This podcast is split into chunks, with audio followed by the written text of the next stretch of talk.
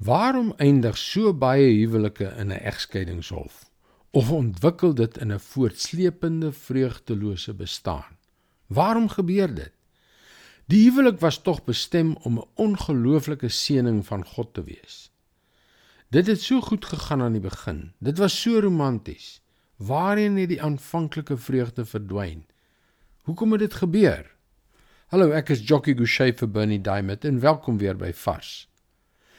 Ek en my vrou Jackie was onlangs vir 'n paar dae alleen weg. Weg van die huis, weg van die gesin en van werksverpligtinge.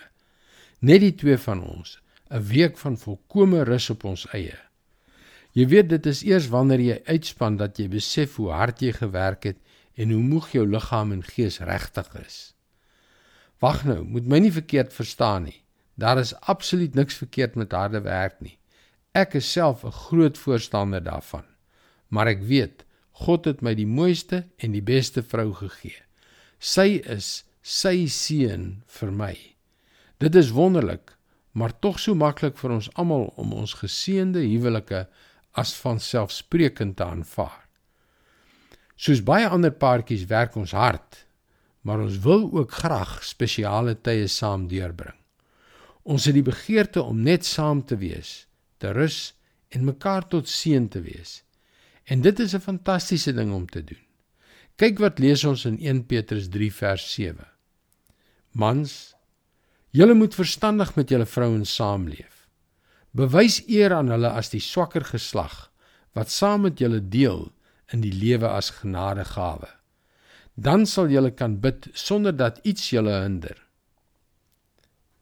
Kan ek julle getroude paartjies aanmoedig om julle huweliksmaats met respek te hanteer? Om af en toe iets spesiaals te beplan, om mekaar te verras. Dalk buite in die bed of daardie spesiale afspraak. Dit hoef nie 'n spul geld te kos nie. Die huwelik is so seën van God en dit is so maklik. So maklik om dit te vergeet.